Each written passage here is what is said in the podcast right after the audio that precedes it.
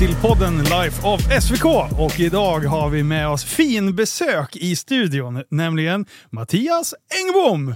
Om jag får be Bengt-Åke Mattias Ja, Engbom. Bengt-Åke Mattias Engbom. Det är med bindestreck till och med. Bengt-Åke? Ja. Nej, är det sant? Det är, det är det första som står. Vad tror du? I skolan, Bengt-Åke? Eh, Du tandläkaren. Precis. Som Är man, så, alltså? som man har suttit och skämts genom livet. Det är jag då. Sven, Linus, Rickard. Ja. Rickard med C, för då blir det Ica i mitten. ja. Det är genomtänkt Farsan, allting. Ja, ja, ja. Jaha, välkommen hit. Tackar, Ehm, tackar. Jag tänkte så här att vi ska, eh, vi ska dra både företagsmässigt och sen lite vem du är som person och vad du har för tricks för dig. yes, yes. Eh, men eh, jag brukar alltid börja fråga, kommer du ihåg första gången vi träffades? Ja, inte så här med tanke på att det är när vi var, ja jag kanske var sju år eller något och då var ju du inte gammal. Nej, då var jag fan inte kaxig alltså. Nej, som jag gick i samma klass som din syrra. Så ja, men det är nog någonstans på... Valbytiden. Ja, precis. precis.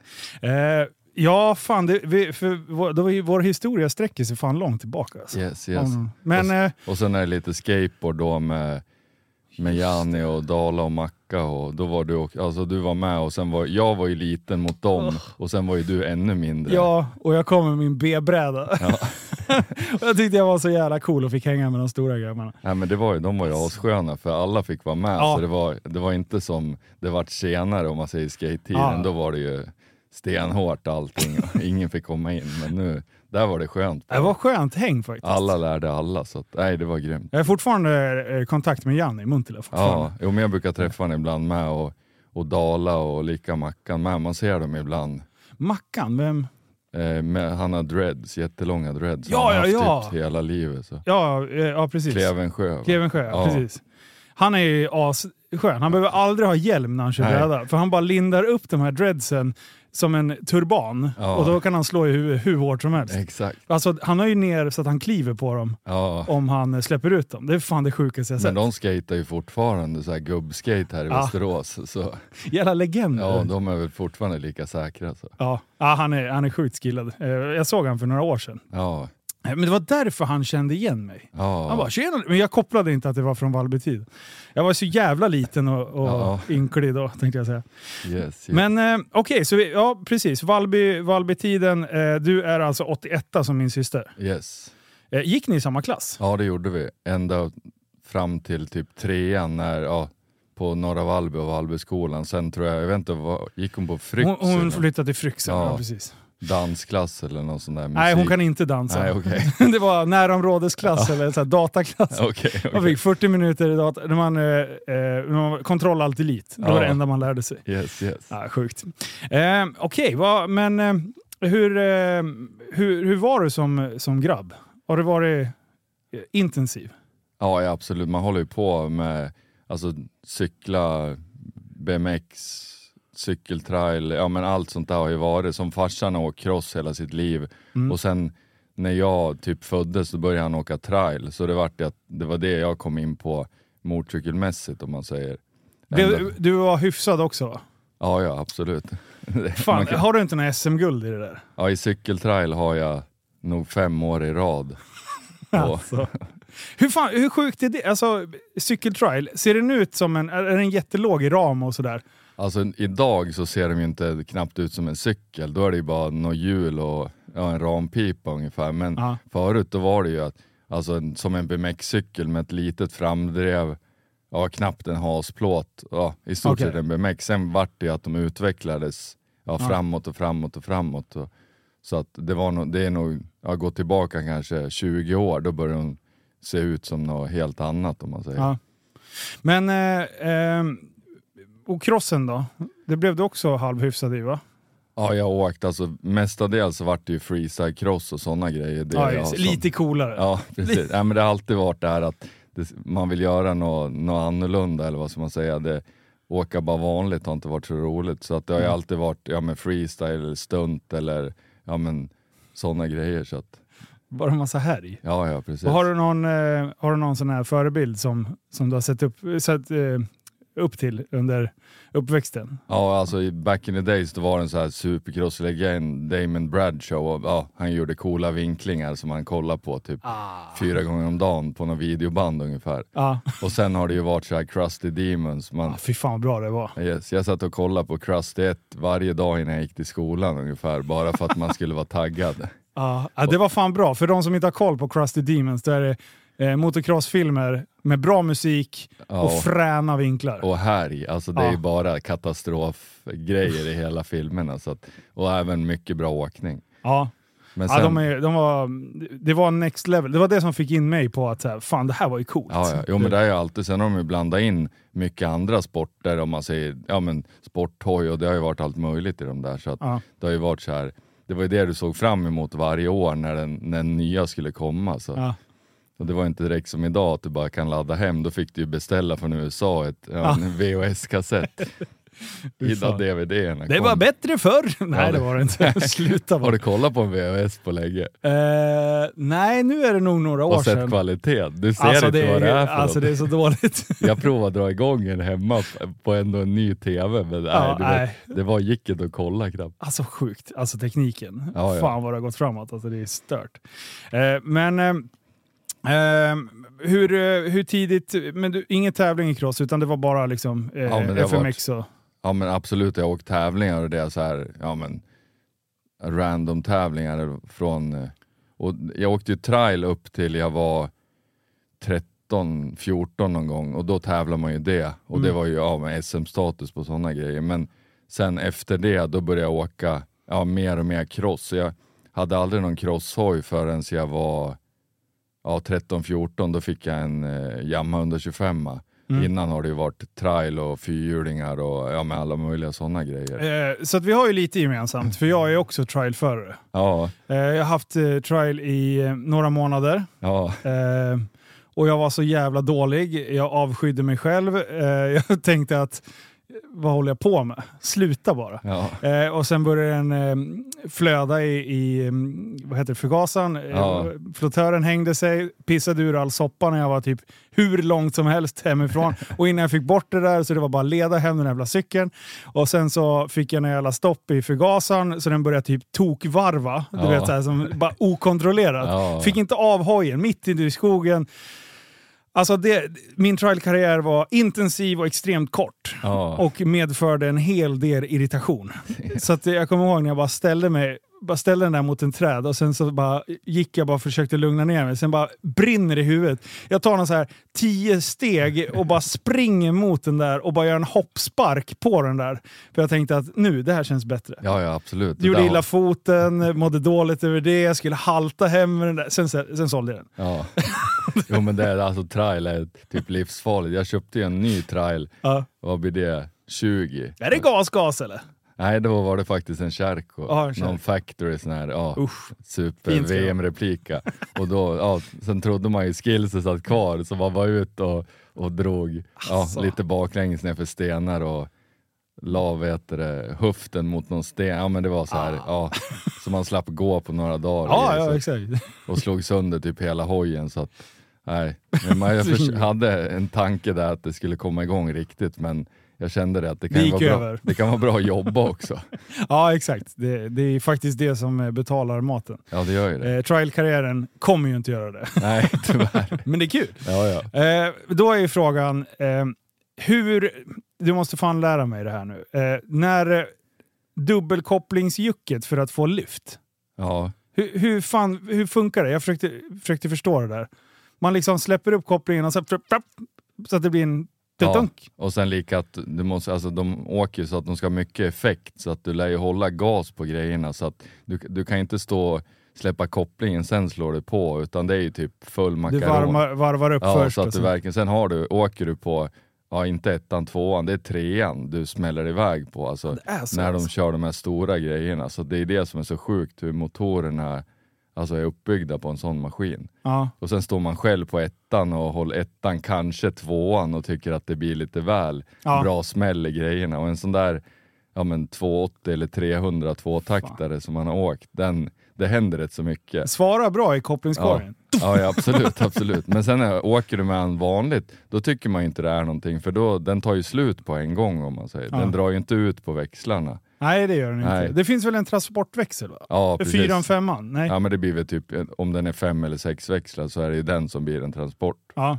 För det var ju lite mysigt att åka på den och bara Ja. kika på saker. För den låter ju inte överdrivet. Och sen det coola är ju att de, alla är ju, kommer ju från Europa om man säger från olika firmor. Så att de är ju alltså godkända, så de är ju landsvägsreggade. Alla trailhojar, så det gör ju också det lite Wow. roligare. Men ska vi inte köpa en varsin och ut och dra Absolut. så här, urban street Det är det eh, man vill trial? åka. Ja, det är där. Nu Det är har, så ligga ner på någon trottoar på stan och gråta istället. för jag, alltså, nu låter det drygt, men, eller ja, det är lite så det funkar, men för, för tio, tio år sedan så var det ju 30 bananer var ju asdyrt att låsa upp. Ja, Det, det var ju mycket, men nu, nu har man ju ändå tjänat på sig lite pengar. ja Så man kan ju ändå låsa upp 30 000 i, i något år. absolut. Bara för att åka runt. För runt 30 då får man väl en vettig.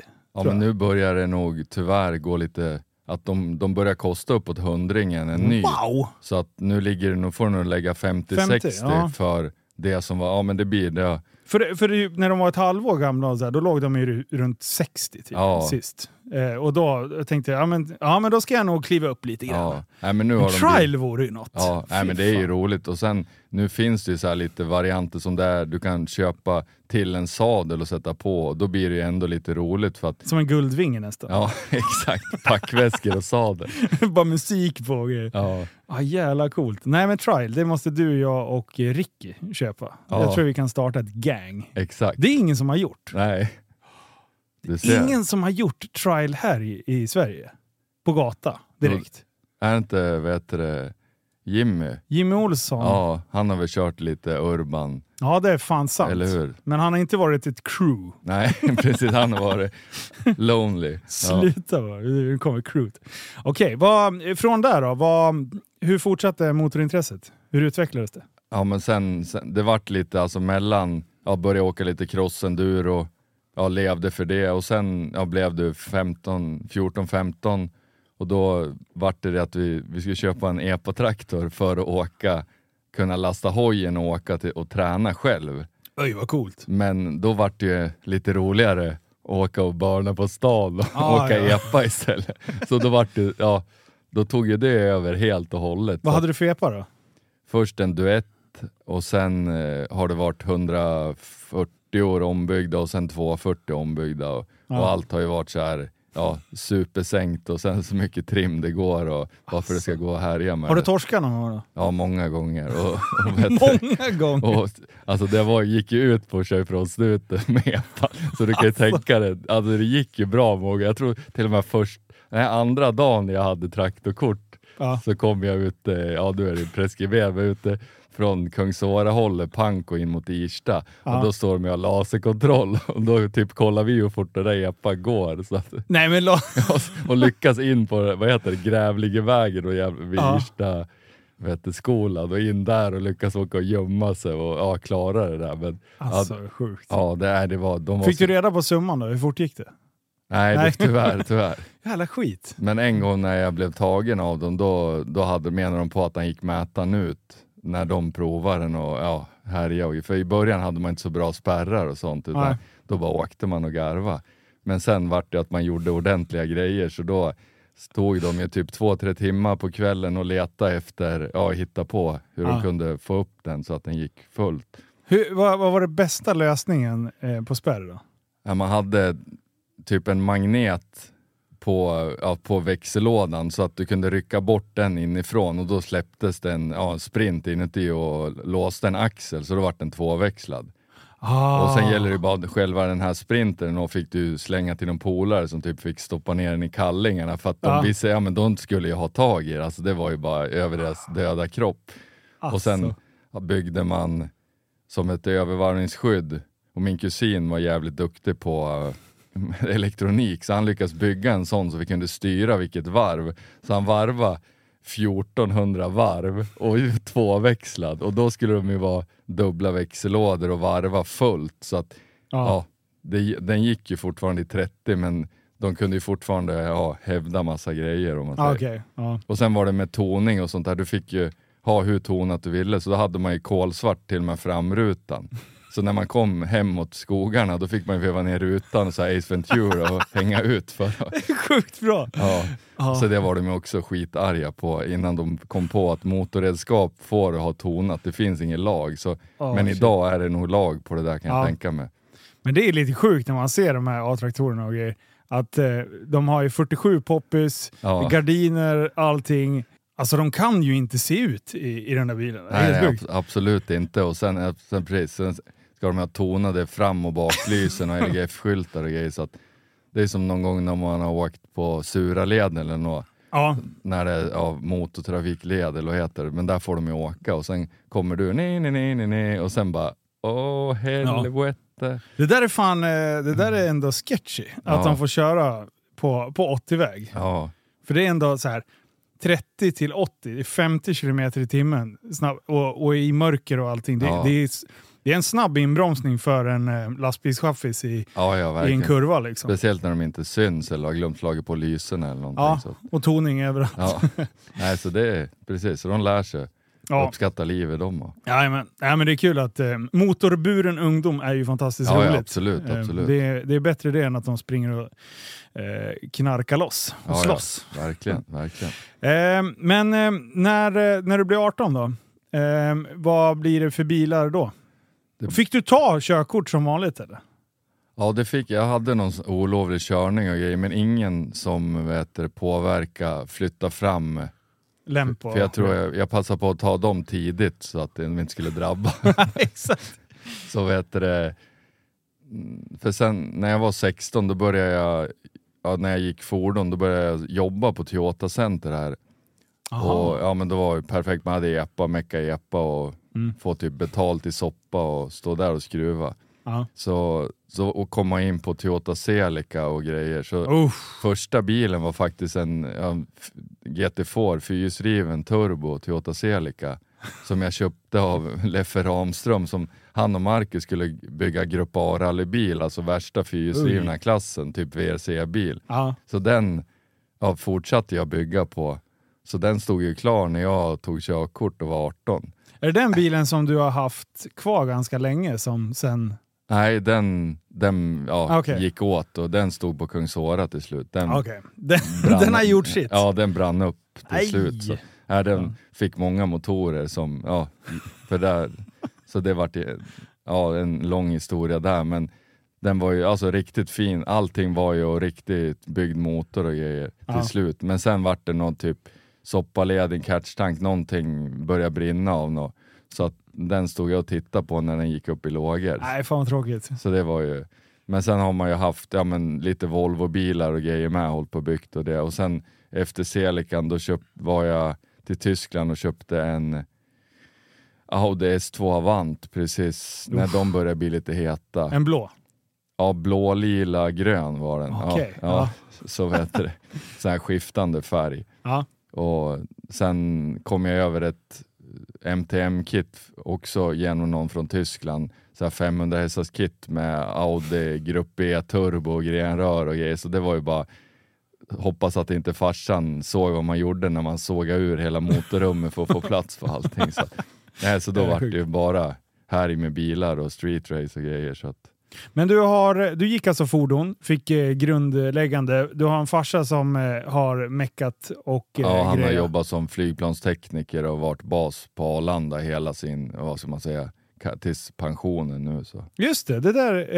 Eh, har, Mattias, har ni haft ett flygplan att kunna pendla med hemma? Ja, han, både han och grannen hade faktiskt, vi hade en flygstripp, vi har- är ju uppvuxen på en bondgård utanför Bjurhobba Ja. vid Badelunda. Så då kom ju han, farsan och hans bästa polare som har granngården, att de ja, började flyga och grejer så, och köpte flygplan. Så det är klart de ska ha en flygstripp hemma. Så de hade ju, gjorde i ordning ett gärde där så de kunde landa med flygplan och grejer. Och ha dem. Kän, kändes det normalt? Förstod inte du? Ja eller- men då var det, alltså det var inget konstigt. Alltså det var så här, med, du vet folk som kom hem, då, först och främst What? tyckte de det var coolt man hade typ en cross. Ja. Alltså, ja, men det, och att man fick åka på det ungefär. De kanske hade provat en kompakt eller någonting. Ja, exakt. Så att, nej, men det blir ju så när du är mitt i det. Och sen var det ju det, farsan måste ju flyga för flygtimmarna och för, nu kan du ju ja, kringgå sånt och flyga med lärare och sånt. Men förut var det ju, du skulle ju ha dina timmar. Ja.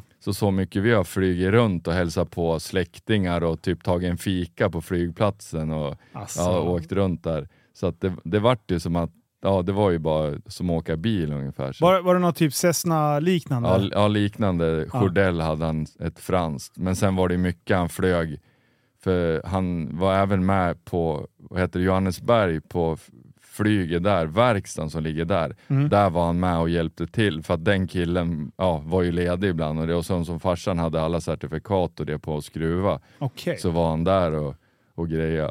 Och jag skötte typ, körde traktor och klippte gräs och grejer där. Så, nej, så det har varit typ, coolt. från 10-11 år så har man ju fått tjäna pengar. Så det har ju varit klockrent. Så. Ja. ja, det har väl gått åt lite till alla rasade motorer och Ja, ja, skit. exakt, exakt. Eh, men eh, när du nämner lite så street race och grejer, har du, har du varit involverad inom den kultu- kulturen och, och drivit det eller har du bara kommit och kört lite? Nej, jag har bara kört och mycket uppe i Stockholm och alla de här ja, svartracen är det som har körts genom åren. Så att det Mm. har ju varit riktigt, ja men man har ju stått så här och kört mot ja, men folk du läste om i bilsport, så här, idoler, så har man Ja. ju stått och typ varit skakig och typ inte vågade. Ja. Så, så här. Nej, så det, det var ju riktigt hårda grabbar där. Ja. När man står själv väger 55 kilo och 1,80 eller 1,90 och står där med kepsen och garvar ungefär. Ja. Nej, fan coolt. Eh, men eh, om vi, om vi tar det, vilken är den absolut snabbaste bilen du har ägt? Jag om man tänker i mer accelerationssyfte. Liksom. Det är nog en... Är det Porschen? Ja, nej, jag tror det var en Evo 9 som var bromsad ja, och ungefär 1000 häst på hjulen. Ingen har tusen. Åh gud. Ja, nej, den var helt sjukt alltså. Men sen alltså körbarhet och det var ju helt värdelöst på den. Den Ja. varvade 11 och 2, fick ingen laddtryck förrän så fick i typ treans växel för, ja det var ju lite old school bygge. Ja. Men annars är det väl ja, Porschen som är det absolut snabbaste man har Det haft. var en 996 va? Nej, 997 turbo. 997 turbo? Ja. Åh fan. 08 med ja, de här paketen som ska vara på dem och plus att jag ja, gjorde ordning den med ja, massa kolfiber, GT2, ja men typ optik och grejer. Så, Den var jävligt fin. Ja, den vart riktigt fin alltså. Och sen lite optimering och, och sen är det ju spjäll på dem så det gick ju att ha rakbussar eller Ja. ja. trycka på spjället så den var ju rätt så frän Fränt. på det. Ja. Nej, så det, var, det har alltid varit en dröm att ha haft en sån, men man åkte ut med hjärta i halsgropen. Mm. Man tänker ju bara den dagen den där jäveln står ute på ett gärde, då garvar väl försäkringsbolaget åt den. Ja, exakt. Eh, det lär vara något Vad åkte du 80? Ja, ja det gjorde jag. Ja, Absolut. Ja. Mm. Du har typ eh, 220 meter bromssträcka först, sen 300 meter ute på åker. Ja, sen bara, du har Är det då verkligen 80? keramiska bromsar, bara, du borde stå stanna på en meter med den här. ja. Nej, den Ja, var helt brutal just. Ja, det går inte att säga någon Porscharna. Du kan åka hur fan du Ja. vill och sen köra bana och sen, jag vet vi var ner till Mantorp någon gång, sen kan du lägga och ja, lyssna på P4 och åka på farthållaren och åka hem med AC'n. Alltså det, ja. det är helt Det är sjukt. grymma bilar faktiskt, Ja. det får man fan ge Porsche. Jag, eh, jag har ju en liten kringelikrokväg hem Ja, eh, och där finns det en, en passage där det inte är några utfarter och inte massa hus och grejer. ja, Eh, Så där brukar jag ibland testa bilarna, inte liksom köra max, utan köra så att det känns bekvämt. ja, Alltså inte att man pressar, utan man bara liksom så här, la, la, la, surrar fram. Och sen kollar jag ungefär hastigheten. Om man, vissa bilar liksom 70 känns tryggt, eh, vissa 80. Eh, jag tror att GTR var ganska, den har bra väghållning, Ja. så den kunde man ligga i typ 100. Den jävla Porschen hade över 110 och då Ja. sitter man och liksom inte ens koncentrerar sig nästan. Den ligger så jävla fint på vägen och det Ja. känns inte som man åker fort. Men eh, kurvorna, alltså det, det, ja, den var inte så rolig rakt fram. Liksom så. Men så fort det börjar svänga, då blir det, Ja. ja, vilken fantastisk bil. men jag tror jag alltså. vet, det är lite nedförsbacke i den där sträckan eller? Ja, Ja visst är det det, det Mm. öppnar upp sig efter skogen. Ja men Ja. jag vet precis, för en polare har dragit av med sporthoj där ordentligt. oj, ja, ja, precis. Ja, Eh, det, nej, det, det är ju sjuka bilar. Ja. Eh, och jag har alltid varit lite så anti, vad jävla gubbe Porsche liksom. ja, Tills man började hänga mycket på racerbanorna ja, eh, och kolla time attack. Om du tittar Porscharnas varvtider, det är bara exakta jävla varvtider. De är så jävla kontinuerliga och sen plöjer de varje pass hela passet. Medan alla andra bilar, de kliver ut lite, Ja. de får värmeproblem, de är ute där och grejer och det meckar. Kommer in sent på passen och det. Porscharna bara, ja, de står uppradade och de åker av sist. Ja, ja. ja men det är Helt faktiskt sjukt. enda bilen. Ja, och RS6 och den där, det är väl de bilar man haft som man vet att det är bara gasa och, och garva om man säger. Ja. Och just sen att du kan välja ett annat program när den blir lite mjukare i chassit. Mm. Det var lite roligt med för där hade jag ju något värsta bilstangkittet på den. Och det, fast det fort, fortfarande jobbar ju med elektroniken. Ah. Så den vart ju ja, men tvärstum så han inte gick att köra på gata till att den gick att åka. Ja, Så det, nej, det är fränt och nu, idag är det ju ännu mer sånt där. Så att, ja. Jag känner en kille som är ganska duktig på dämpning. okej, Han har okej. visat mig att det finns så stackar och, och grejer. Ja. Vi ska gå in lite på Ja, det. ja, han, han sitter nämligen mitt emot mig. Ja, det är du. Ja, okej. okej. Eh, Men eh, jag, det var lite om dina fordon och, och sånt och vad du har pysslat med. Jag skulle vilja gå in på eh, ditt företagande. Ja, Tänkte vi ska lägga ganska stor vikt vid det. När startade du ditt bolag? Eh, 04 startade jag upp det. Och det var, alltså jag jobbade ett par år på Toyota Center och sen kände jag det att nu, ja. Och sen, jag hoppade mycket freestyle och det de åren och grejer. Så att det var så här, jag ville ju främst ha ett företag så du kunde fakturera ja, om du körde shower och sånt. Just Plus att du, när det regnar kanske ville jobba. Så då, Ja, då ville man hålla på med någonting. Så då startade jag upp det bolaget. Sen vart det väl egentligen 05. In, jag lekte nästan ett år först, bara ja, levde livet om man säger. Ja. Åkte cross och freestyle och sporthoj och ja, allt sånt där som man vill göra. Ja. Men sen, det håller ju inte. Det håller inte i längden riktigt. nej. Vi är inte i Kalifornien. Så. Men vad, vad fick du in pengarna på då? Hade du något sidojobb? Ja, jag har du... alltid haft alltså, sidojobb, men plus att ja, men man körde någon show eller något sånt Okej. där också så, så du fick in. Men sen har man alltid hoppat in lite här och var. Och, Så första året var lek, lekbolag rent Ja. liksom. Men då hade du inkomster från en annan och så blev det bara extra ja, lekpengar. och sen liksom. försökte jag jobba ihop innan så jag hade pengar. Plus att man meckar med folks hojar och ja, då började jag komma in på det och fatta att det kanske man kan hålla på med. Mm. Det är nog bättre att... Ja, sen, sen vart det ju mer och mer och mer att jag började satsa på på heter det, ja, men att hjälpa folk istället. För det blir ju som med allting, det är jobbigt att bara tumma konton hela tiden. Ja, det kan vara bra att, att få in lite pengar också. Exakt. Men, eh, eh, och så verksamheten där, när, när började det bli huvudverksamhet i ditt, ditt bolag då? Ja, det är 05. Det är noll, Ja. från 05? Ja. Har du varit anställd någonting under den från 05 och framåt? Ja, något år runt 10 för då, då var det en sån här riktig dipp 09 så att ja, allting som, som är roligt vad heter det, togs ju bort och det målade ju upp det här mediala att nu Sverige kraschar och hit Ja. och dit så då vart det ju typ ja, ingen, Fastighetskrisen i USA som satte fart där med Lehman Brothers som kraschade. Ja, och sen det var väl också någon sån här majsskörderna, det var ju något skit Ja. de där åren så att det var ju guldläge för oss att handla grejer och på det. Ja. Och då, och, och då kände jag det att ja, det började avta jätte, jättemycket så då, då var jag faktiskt med och startade upp en bilverkstad och var med och drev, ja, fick igång den och jobbade där och sen jag, vet, jag kommer inte ihåg hur länge jag var där men sen gick jag över och hjälpte Sällholm i ja, Köping, Kolsva ja, och för de skulle dra igång som Öhlins bilcenter. De har alltid utvecklat och byggt grejer åt Öhlins men aldrig varit ett eget,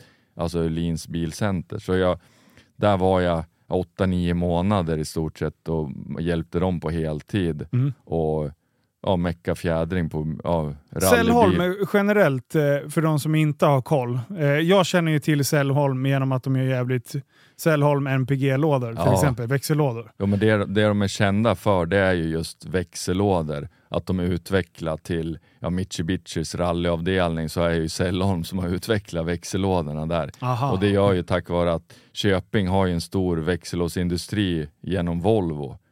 Så Ah, det finns jättemycket kunskap och fina maskiner och företag som jobbar runt Volvo. Och Ja. då blir det ju det att då kan du ju åka med på rullen lite där. Det är lite lättare än att du ska skicka iväg och pressa ett aluminiumhus i ja, USA eller någonting Ja. när du kan åka ner på byn och göra det. Ja, exakt. Så det är på den vägen de är. Men de gör ju, alltså från början gjorde de ju allt i stort sett på en bil. Men sen har det blivit mer att de jobbar drivlina, alltså bakaxel, drivaxlar, kardan, växellådor och fjädring. Ja. Och sen de gör ju bärarmar, ja, du kan väl egentligen köpa allting förutom, Allt special. ja, förutom motorer i stort sett Ja. idag om man säger så. Att, så de, nej, men kylarsystem, inte coolare, alltså, de håller ju på med allt där så de har ju väldigt fin kunskap och jag tror det kan det vara tre eller fyra som bara står vid CNC-maskiner och spottar fram specialgrejer.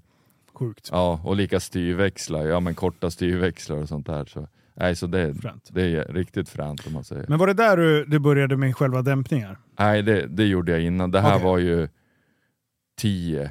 Så Ja. ja. men där runt 05 då började jag hålla på med fjädring. Var det Och- det huvudsak du gjorde då? Eller, eller Ja, så- alltså det var ju här- renoverade du hojar och... och Ja, jag höll på mycket. Alltså, mo- motorer börjar ju alltså, som du kommer från bilvärlden och grejer med att skruva. Så då vart det att man ja, men började serva folks hojar och skruva fjädring. Och absolut kunde jag skruva fjädring. Sen var jag och jobbade mot ett annat företag som bara höll på med fjädring. Mm. Som har hjälpt mig och grejer genom åren. Men sen vart det att jag var där och hjälpte han lite och sen, ja, sen började man skruva mer och mer fjädring. Så på Ja. den vägen är det. Så att, Så nu är du en, eh, skulle man säga, huvud, huvudverksamheten nu är eh, eh, fjädring och dämpning liksom? Ja, det är stötdämpare som är nummer ett. Men sen absolut, jag gör alla jobb, men det är oftast är det ihop med att jag ska fixa din fjädring, då kanske jag hjälper dig serva och grejer. För att Ja. det är svårt att få tiden till helhetsgrejer. Så Hur, eh, hur funkar det med, är du, är har du, vad säger man, certifikat eller är du certifierad för vissa typer av märken? eller? ja, Hur och sen det det stora är, alltså, det är att jag är ett alltså, Öhlin Center. Så att, och nu sen jag byggde nya verkstaden, då har jag ju alla grenar inom Öhlins. Förut var det egentligen bara MC och, och lite skoter och fyrhjuling och sånt man jobbar, men nu är det ju bil och mountainbike och helheten om man säger från Öhlins. Men sen är jag även auktoriserad för andra märken också, så Ja. Det spelar ingen roll vilket märke du har så löser jag problemet. Hur känns det att vara, ha att göra med ett företag som Ulinsen? Det är ändå, det är ändå ett väldigt starkt varumärke. Ja, verk- jo, men det, det är svårt att hitta någon som inte vet vad det är. Ja. Oavsett om de inte... De, men de har ju sett back in the days eller visst att farsan eller brorsan hade något. Så Ja. att, nej, det är roligt på det sättet. Så det har blivit mer och mer, de, det blir högre och högre krav. Så folk har ju backat av för att de vill inte vara med på tåget om man säger. Så att jag har känt det där, det var därför jag byggde nytt och satsar nu för att jag vill vara med på det här. Ja. Och sen, det såldes ju Öhlins till ett stort fordonsimperium i USA. Så att nu är det ju jättemycket nysatsningar och grejer.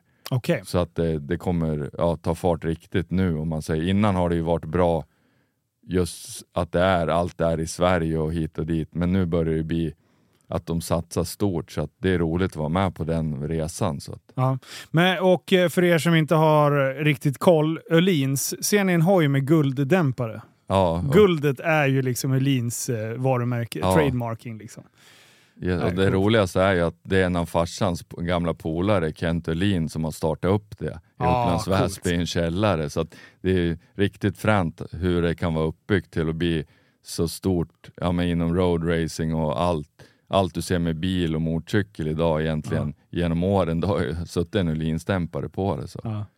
Fränt. Du, med, om vi, vi ska in och grotta ner oss lite hur en stötdämpare fungerar. Ja, Eh, vi gjorde ju faktiskt en video, var det, det var förra vintern va? eller Eller våras. Vår, vårkanten va? Vår, våras kanske var. För du kun, åkte ju på hojen. Ja, men det ja, gjorde jag. Ja, Ja, precis.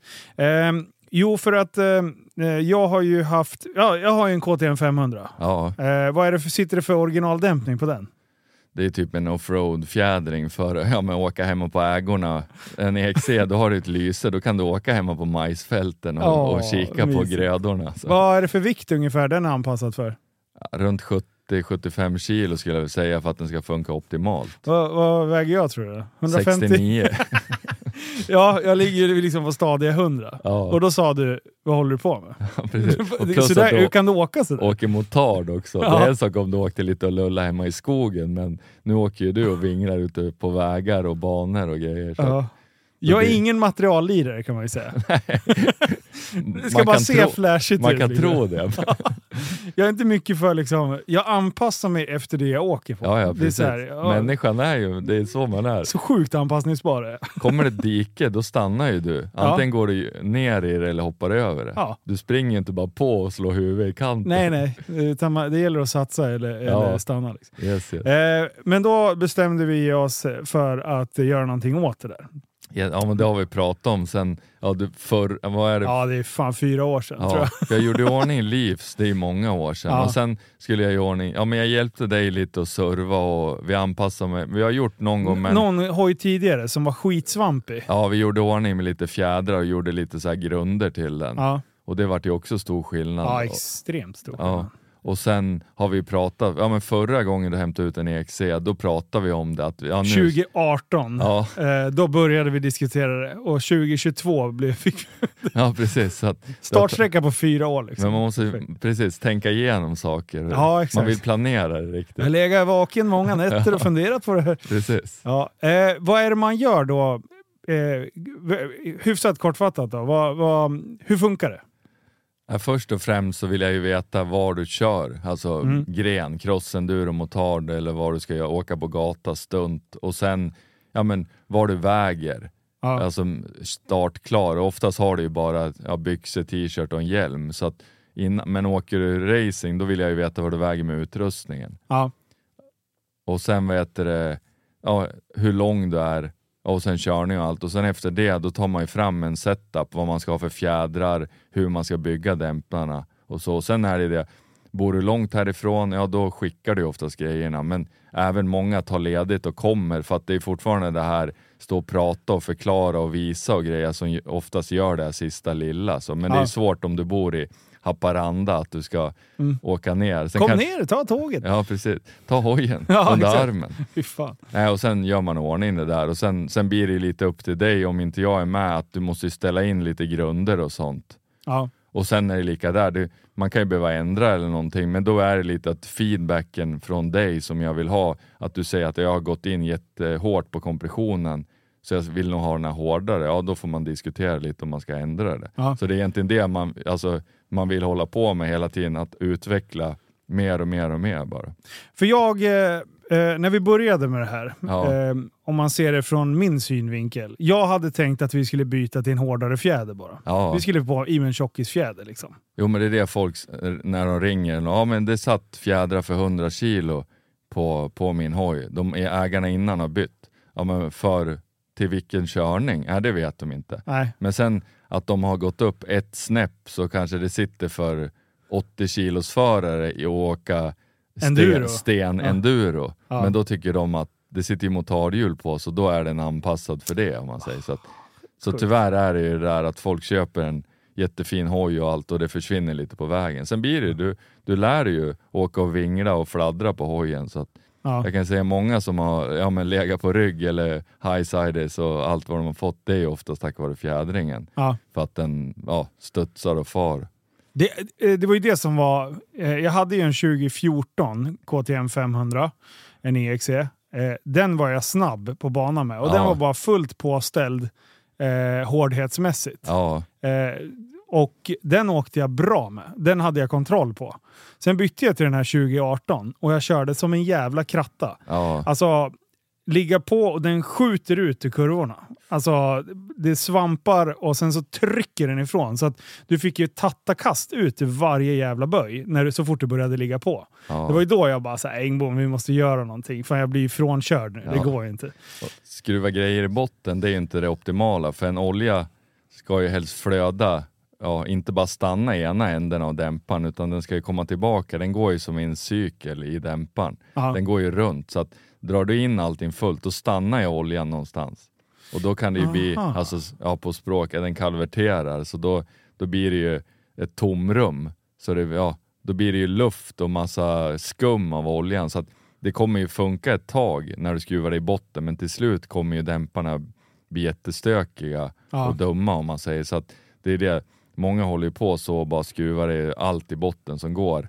Men det är inte det Det är optimala. sånt här som vi normala inte förstår. Nej, men det är ju det. Alltså, det kan ju vara det fortfarande folk som är duktiga och aktiva eller vad som de har ju fortfarande samma tänk men Ja. det blir ju det att om de fick se när man tar isär en sån dämpare sen, då kanske de förstår varför man inte ska göra det. Och, och nu, mina damer och herrar, ska jag beskriva eh, olika typer av setups eh, beroende på när Mattias säger om vi ska köra motard eller om vi ska köra enduro och allting. Då är det så fiffigt att i toppen, då lägger man massa olika brickor med olika tjocklek och hårdhet och, och ja, och bygger pyramider. Ja, och så bygger man en jävla pyramid och det ska göra olika skillnader. Jag trodde fan du drev med mig när du visade upp det. Jag men det bara, vet du inte än om jag gjorde. Nej, Det är det som är det det sjuka. är så sjukt. Jag Det kan ju bara, det kanske bara var att folk sitter och garvar åt den där filmen. Ja, det vet shit, man det är inte. därför. Ja. Alla skrattar bakom ryggen på mig. Nej, fan det var, det var coolt att se. Vilken jävla skillnad det blev på hojen. Ja, det jo, men det, är- alltså, det, är, alltså, det måste upplevas för det, det är som allt sånt här, det är svårt att förklara. Ja. Det är lika när någon kommer med en HD, ny HD för 490 000 och inte förstår varför han ska byta till Öhlins grejer. Ja. Men det är så här, ja, när han har gjort det, då ringer han och bara Ja, jag förstår. Varför gjorde jag inte tidigare? Ja, jo men det är så här, det går inte att förklara och sen är det lite svårt. Om jag ska stå och försöka vara dammsugarförsäljare, det är lite svårt för att vill inte du så, ja det är Ja. svårt och då tycker ju du att det är bara att skruva in grejerna i botten och åka. Ja. Men ja, Men det man inte vet, det saknar man ju inte. mår man inte dåligt Nej, av. exakt. Det, det är det som är så jävla sjukt. Har man väl, det är därför man aldrig ska provköra en ny bil. Nej, nej men det är ju För då är samma. det kört. Eller prova polans hoj som är ordninggjord. Ja. men då blir det, då kommer du aldrig kunna sova igen. För att, Vet du, där ska jag dra en bra jämförelse hur jag har resonerat kring all typ av...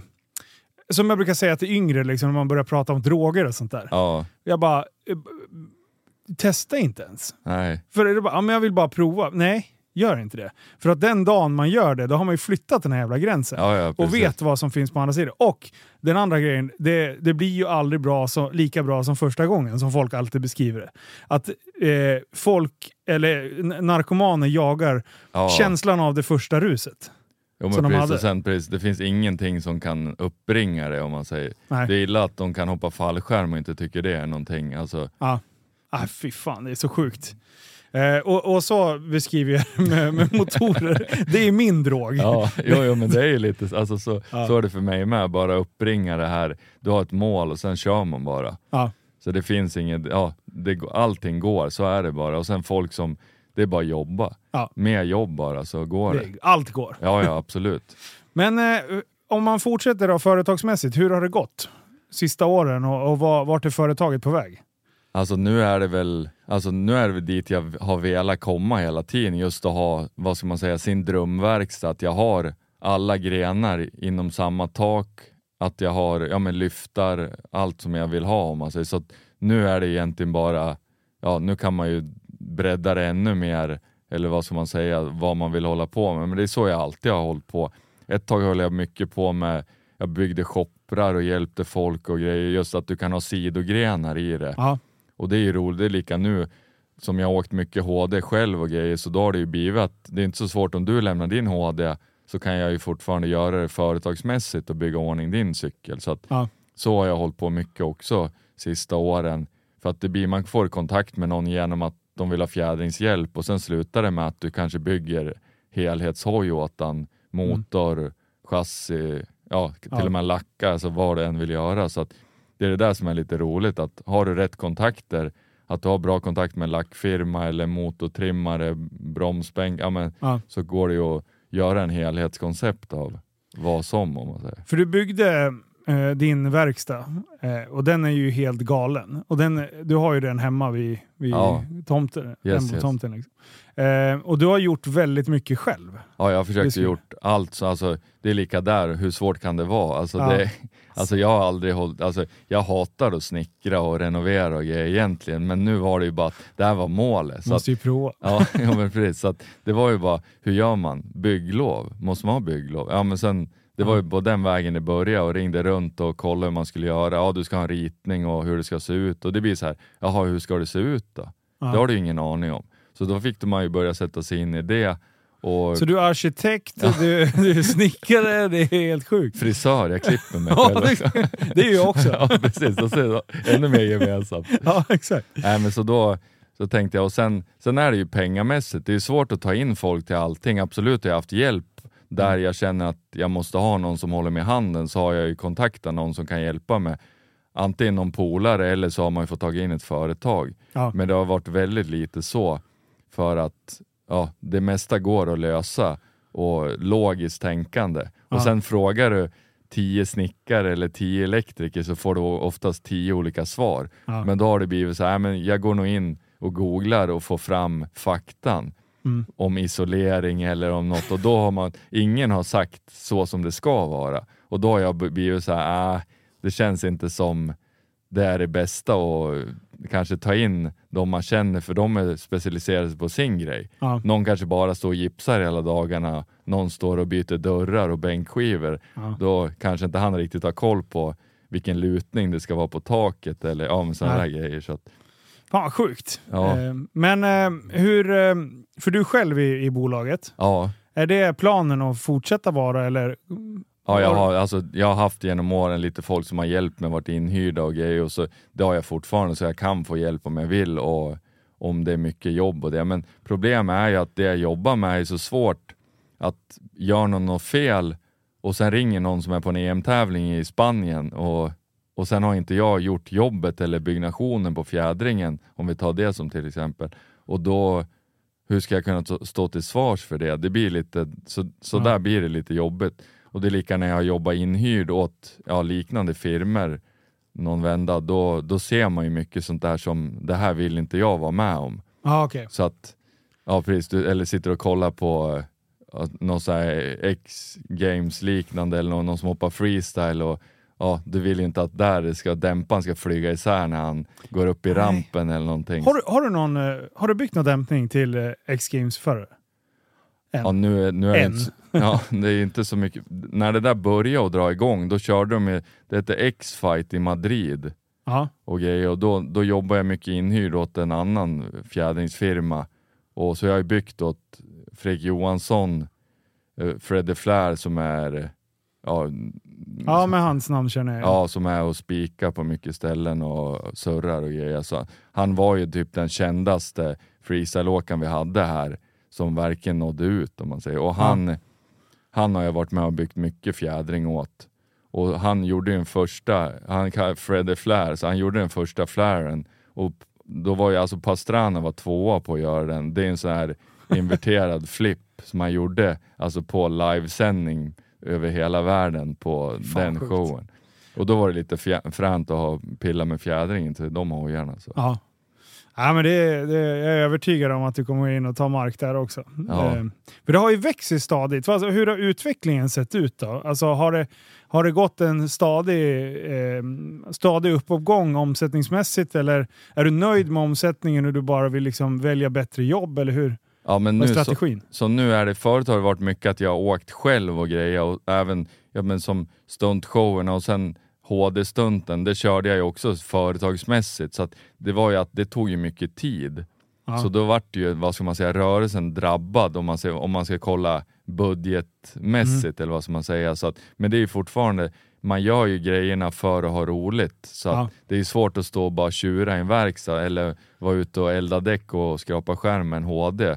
Då Ja. blir det så här, ja vad väljer man? Ja, men, det, Potato potato. Ja, Ja. exakt. men sen blir det, det, allting blir ju som ett jobb så att själv, själva den åkningen la jag ner, ja, då när jag började bygga verkstaden då kände jag att nu var jag lite mättad på att fara runt och För du körde mycket shower. Du har ju kört Ja. eh, på två julmässan i flera år i rad. Ja, jo men det var ju alltså, jag körde i stort sett ja, ett tag nästan varje helg och var runt på ja, men, invigningar och evenemang och festivaler. Och, alltså det är skitroligt, så här rockstar-liv, bara stå och elda däck och ha roligt och gå på konserter på kvällarna och ha VIP-grejer. Alltså det är skitfränt och ändå får du betalt för det. Så att, Det är sjukt. ja, ja, jo men det är det precis. Bara det är så som du svinar, det får du betalt för att göra. Alltså, det är så bra.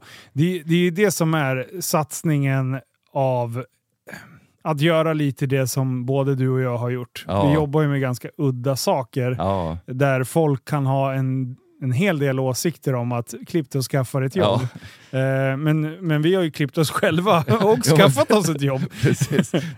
För det, för det är ju ganska sjukt att jag springer runt och eh, snackar i, i, I mikrofon eller pratar med en jävla kamera och det faktiskt ger mig någon sorts inkomst i slutändan. Och, och du åker runt och eldar däck med en HD. Det är ju fan sjukt inspirerande. Alltså, Ja, ja, jo, men precis. Skrapa packväskorna och står och barnar ringar, precis. Ja. Spränger däck.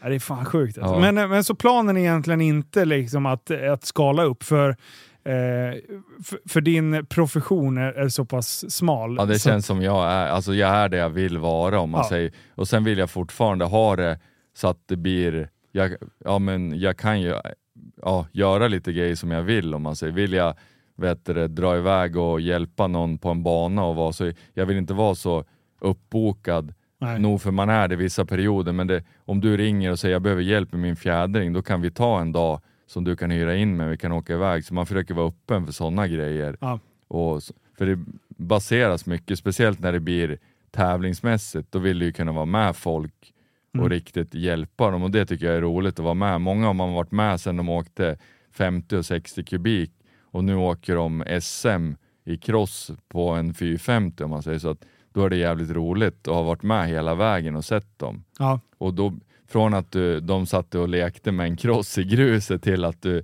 står och håller på Ja, de lägger upp förslag för deras team hur de ska lägga upp det och grejer. Så det är Ja. rätt så fränt att se hur, hur en crossåkare som kan vara goddag yxskaft och prata med eller vad ska man säga, Ja, fast de, det finns ändå någonting företagsmässigt i dem också Ja. Men det är också en, ett, ett udda ehm, eh, yrkesma, yrkesval. Liksom. Det är så här, och jag gillar ju den grejen också. Att man, ja, men det är så här, som hockeyspelare också. Ja. Va? Men nu pausar jag mitt år här i tio år. Ja, Eh, försakar egentligen kanske utbildning eller bygga upp eh, en, en plattform att stå på rent ekonomiskt. Men Ja. de gör någonting de älskar och det är också så här hedersvärt i mina Ja. ögon. Och så här, kör det du vill göra, men folk bara går ju runt och önskar att de kunde göra massa saker. Och sen så, så Ja. Tycker man illa om de som faktiskt har gjort det. Ja, ja. Alltså- Jo, men, men det var ju det man kände då när jag jobbade på Toyota Center, det vart ju några år. Ja. Och sen kände man ju så här, ja, Vill jag vara du har här? tryggheten och allting, men det blir så här, jag kan vara kvar här. Några som jag jobbar med, de är ju kvar fortfarande. Ja. Alltså det har ju gått 20 år i stort sett. Och de står kvar på samma ställe, ja, nog för att de har fått bytt lokaler och grejer, men det är ändå så här, tar du inte det klivet, då kanske du aldrig gör det. Mm. Nej. Och sen helt plötsligt går du i pension. Ja. Men det är också sådär, man kände ju det där, bara latcha, hoppa freestyle, ha roligt.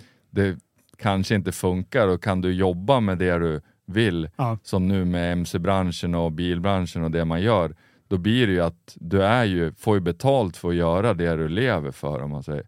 Men du tycker ändå att du har hittat en bra balans eh, företagsmässigt? Liksom. Ja, ja absolut, verkligen. Alltså, det, går, man, det känns som man leker på jobb eller vad ska man säga och du får betalt. Men sen är det det, du måste ju hitta den där riktiga balansen så att du kanske inte bara kan leka hela tiden. Utan, Nej, och exakt. sen absolut kan du ha projekthojar och bygga och, det, och då blir det lite som du bygger en egen hoj fast Ja. det är företagets hoj och det blir reklampelare och det är det som har varit så bra med HD-stunten och det. Och det var ju precis när Öhlins började få fram sina HD-dämpare och då är jag ute på mässor och, och MC-mässor och sånt och bara åker Kör på bakhjulen och- det. Så de bara okej, det är bra grejer det här. Så. Ja. Och då har det ju blivit som ett litet ansikte för det i Sverige. Så, Ja. Och det gör ju att folk kontaktar mig för att få hjälp med det. Så att, nej, det, är Det är fan rikt- bra. riktigt fränt. Ja, nej, det är grymt. Eh, Det är jävligt inspirerande att följa. Vi kommer säkert få anledning att, att återkomma till det längre fram. Yes. Men eh, märkte du någon eh, skillnad när vi hade byggt min dämpning? Ja, ja absolut. Det, var, det kändes som folk fick upp i ögonen att jag kanske inte kan åka på min endurocykel med slicks. Och, och kanske måste veta fix. Så det, absolut har det genererat mycket Ja, kul. Vet du, kontakter där med folk som vill ha hjälp. Så att, Det var jättemånga som skrev och, och just bara så här, jag hade inte en aning. Jag trodde jag visste hur en dämpare funkar. Ja. Inte en aning hade jag. nej. Så har ni missat den videon så, så ligger den på Youtube-kanalen Life of SVK. Så då får ni in och kika. Ehm, men du Mattias, tack snälla för att du kom hit. Tack själv. Vi ska faktiskt eh, köra en eh, kortis här på lite eftersnack på Ja. Men sen då, fredagskebaben? Blir det Kebab- någon, ja, det blir det blir- någon fredagskebab? Ja, eh, vi ska se. Jag ska ju äta sallad, men det är klart det blir fredagskebab. Det är Yes. sen gammalt. Ja, ja. Men du, eh, tack snälla för att ni har lyssnat, eh, så hörs vi igen nästa avsnitt.